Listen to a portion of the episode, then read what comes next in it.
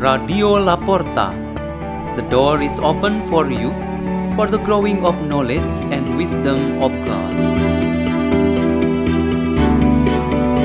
Delivered by Windah Nora Avelina Pasaribu and Yunita Simon from St. Peter's School in Jakarta, Indonesia.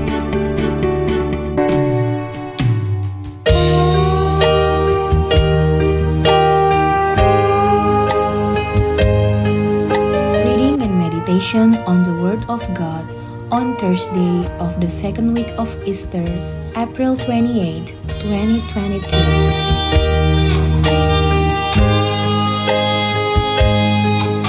The reading is taken from the Acts of the Apostles, chapter 5, verses 27 to 33.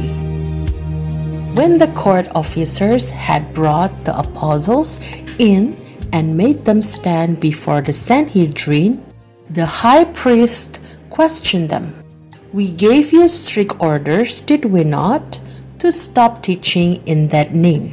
Yet you have filled Jerusalem with your teaching and want to bring this man's blood upon us.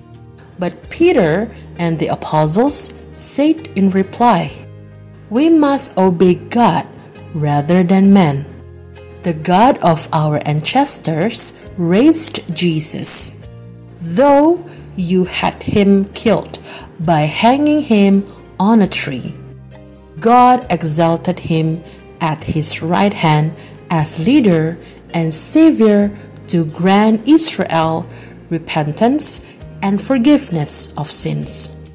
We are witnesses of these things, as is the Holy Spirit whom God has given to those who obey him. When they heard this, they became infuriated and wanted to put them to death. The word of the Lord.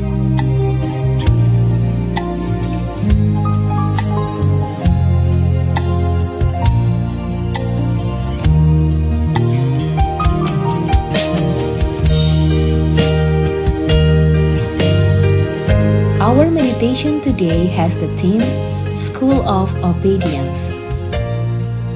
One characteristic of the spirit of Easter is the school of obedience. This school is very different from the various schools that we have, such as schools of military, nurses, police, communication, technique, administration, and so on.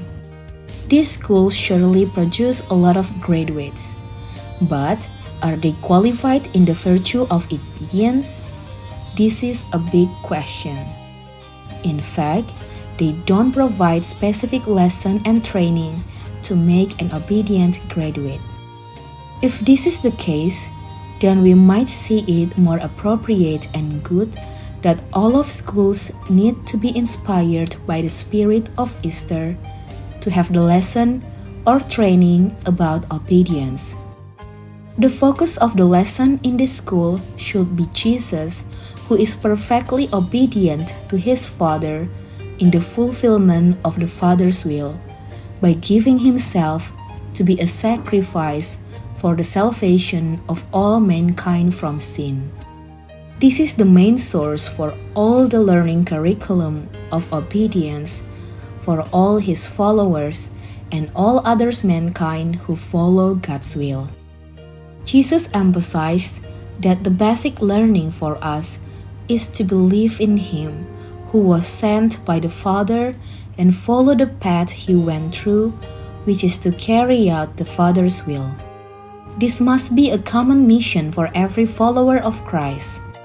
Every form of activity, mission, responsibility, commitment, service, and work must be oriented towards the school of obedience. The point is, all of us have the task to carry out God's will. If God's will is well done, then the good and truth of life will be its fruits.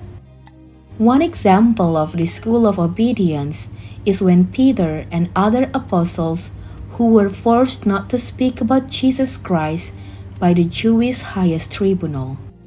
They were strictly forbidden to preach the gospel and Jesus Christ to the public. But because of their education in virtue of obedience was already strongly founded, they loudly said this It is better for us to obey God than to humans. This education of obedience focuses on the priority of loyalty and fidelity to God. This means that every temptation or threat that leads us not to obey God must be strongly resisted. Why is God a priority in the school of obedience? Because from Him all moral teachings, kindness, truth, beauty, glory, and holiness come. He is the source of all wisdom and intelligence. So, if we choose to obey Him consistently, we will be obedient and faithful in all aspects of the orders or rules that we have every moment and place in this world. Let us pray. In the name of the Father, and of the Son, and of the Holy Spirit. Amen.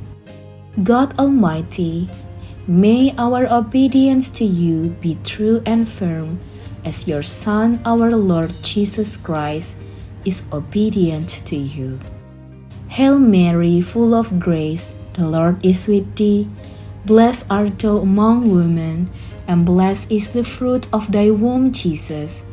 Holy Mary, Mother of God, pray for us sinners, now and at the hour of our death. Amen. In the name of the Father, and of the Son, and of the Holy Spirit. Amen. Radio La Porta. The door is open for you.